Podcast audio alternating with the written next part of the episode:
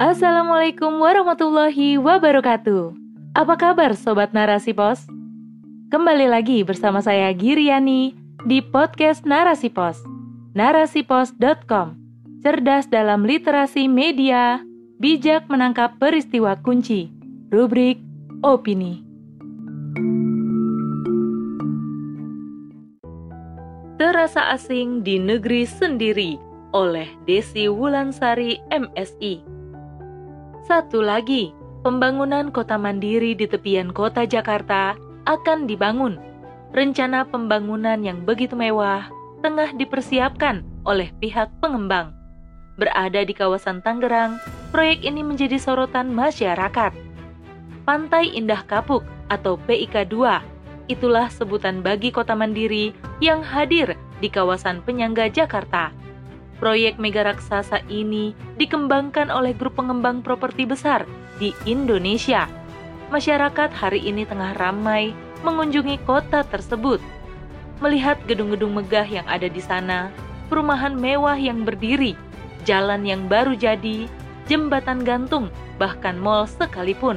Beberapa orang menyebutnya Little Singapore. Sekolah megah pun hadir di kawasan ini. Tak kalah hebatnya, infrastruktur di sana memiliki pesona tersendiri. Bahkan yang sedang viral, keindahan pantai pasir putih menjadi tujuan wisata masyarakat saat berkunjung di kawasan ini.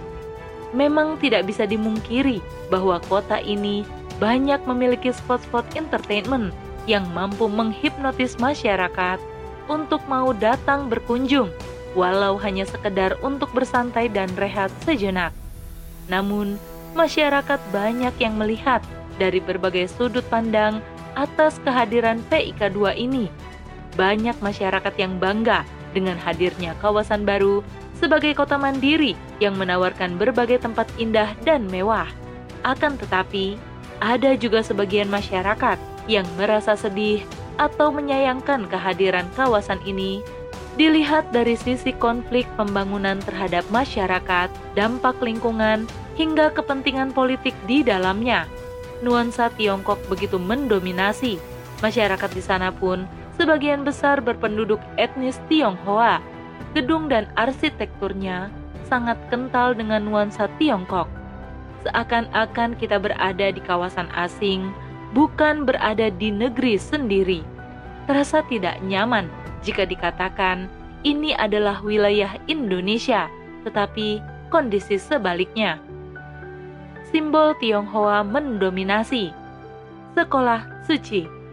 Saat memasuki kota tersebut, yang menjadi sorotan mata adalah sebuah sekolah besar dan megah bernama Suci Center. Itu merupakan gedung yang menjadi rumah Yayasan Buddha Suci Indonesia.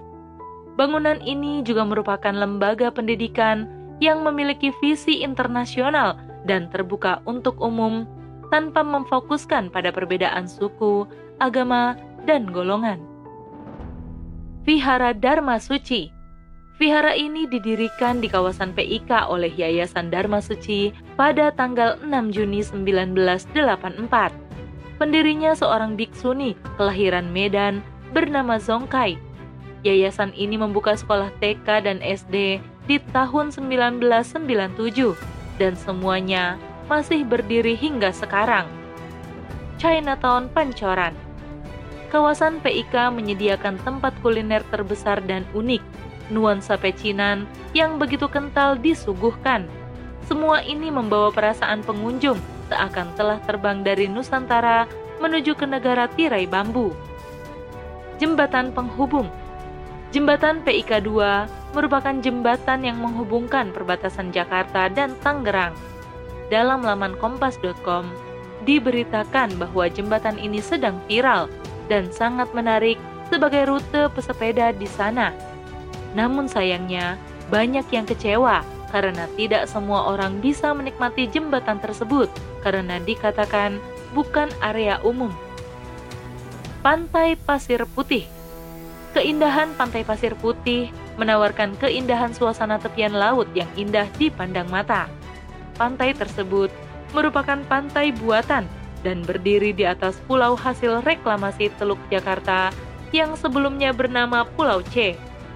Hingga saat ini, pantai pasir putih ini belum bisa dinikmati secara langsung untuk umum karena masih dalam proses pembangunan. Itulah beberapa tempat menonjol yang ada di kawasan kota mandiri baru, Pantai Indah Kapuk II. Banyaknya berbagai macam fasilitas ala Tiongkok ini seakan menjadi tanda tanya masyarakat. Apakah seluruh pembangunan dan fasilitas tersebut untuk masyarakat Indonesia, ataukah memang khusus bagi komunitas tertentu saja? Rasanya sedikit aneh dan asing ketika berada di tengah-tengah kawasan tersebut. Padahal, wilayah PIK merupakan kedaulatan utuh negara Indonesia, sehingga pertanyaan lain akan muncul, apakah pembangunan kawasan mandiri raksasa ala Tiongkok ini sebuah kebanggaan ataukah kesedihan dari masyarakat Indonesia yang terasa asing di negeri sendiri? Di luar dari segala kemewahan kota tersebut, melihat rekam jejak di media, telah banyak yang terjadi dalam pembangunan PIK 2, seperti izin perampungan pantai pasir putih, belum mendapatkan izin AMDAL yang sangat krusial perlu diperhatikan. Begitupun disinyalisasi saat dimulainya proyek pembangunan jembatan PIK 2 tahun 2018 menyambungkan ke Pulau C hasil reklamasi dinilai merugikan nelayan warga Kampung Dadap, Tangerang. Ketua Forum Masyarakat Nelayan Kampung Baru Dadap, Waisul Kurnia mengatakan, wilayah perairan yang dibangun jembatan merupakan akses utama nelayan untuk melaut sebagai area mencari nafkah di muara. Dampak dari pembangunan jembatan ini membuat nelayan melaut semakin jauh untuk memperoleh ikan sebab dianggap pembuatan konstruksi jembatan membuat ikan-ikan yang berada di dekat daratan kabur. Lantas, bagaimanakah nasib penduduk asli di kawasan tersebut yang mengalami dampak dari pembangunan mega proyek tersebut? Akankah kehidupan dan kesejahteraan mereka dikorbankan demi berdirinya kawasan megah dan mewah komunitas tertentu? Islam adalah solusi. Islam senantiasa menjaga keutuhan negaranya. Segala bentuk perbedaan, mulai dari warna kulit, bahasa, ras, suku, dan agama tetap dipersatukan dalam naungan daulah khilafah Islamiyah. Sang pemimpin, khalifah, akan selalu menjamin segala kebutuhan rakyatnya, baik dalam hal peribadatan masing-masing agama, kesejahteraan, kesehatan, dan keamanan rakyat serta negaranya dari berbagai serangan asing ataupun pemikiran asing yang mampu memecah belah umat. Islam mengajarkan kepada kita dalam hal kesatuan dan persatuan. Karena itu, menjaga keutuhan suatu wilayah hukumnya wajib bagi mereka. Hukum tersebut sudah diketahui urgensinya dalam ajaran Islam.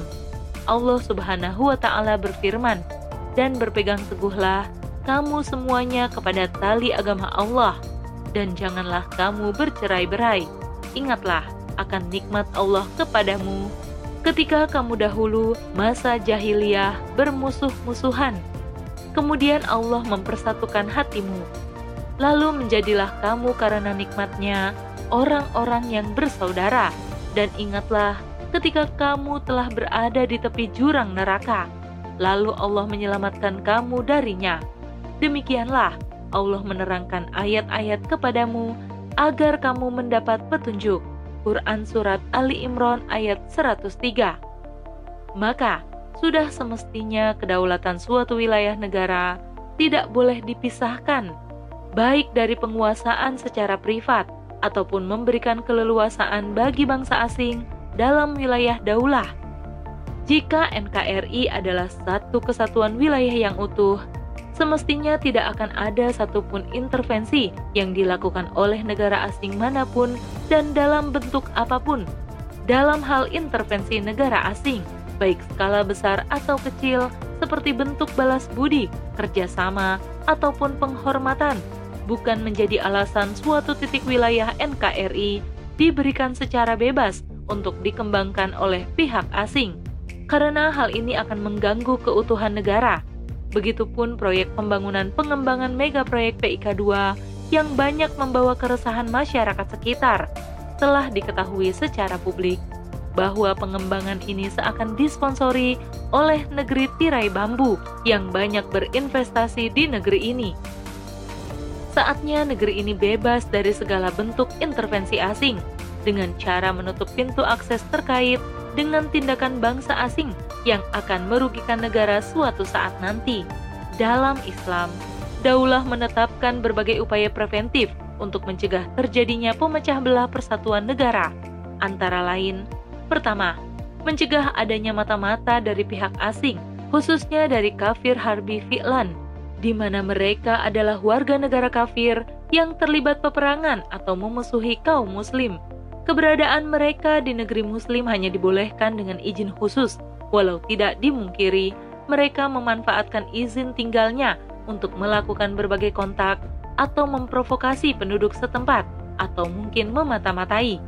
Kedua, menutup kedutaan negara-negara kafir harbi hukman atau kafir yang tidak memusuhi Islam yang dijadikan alat untuk memata-matai pemimpin muslim.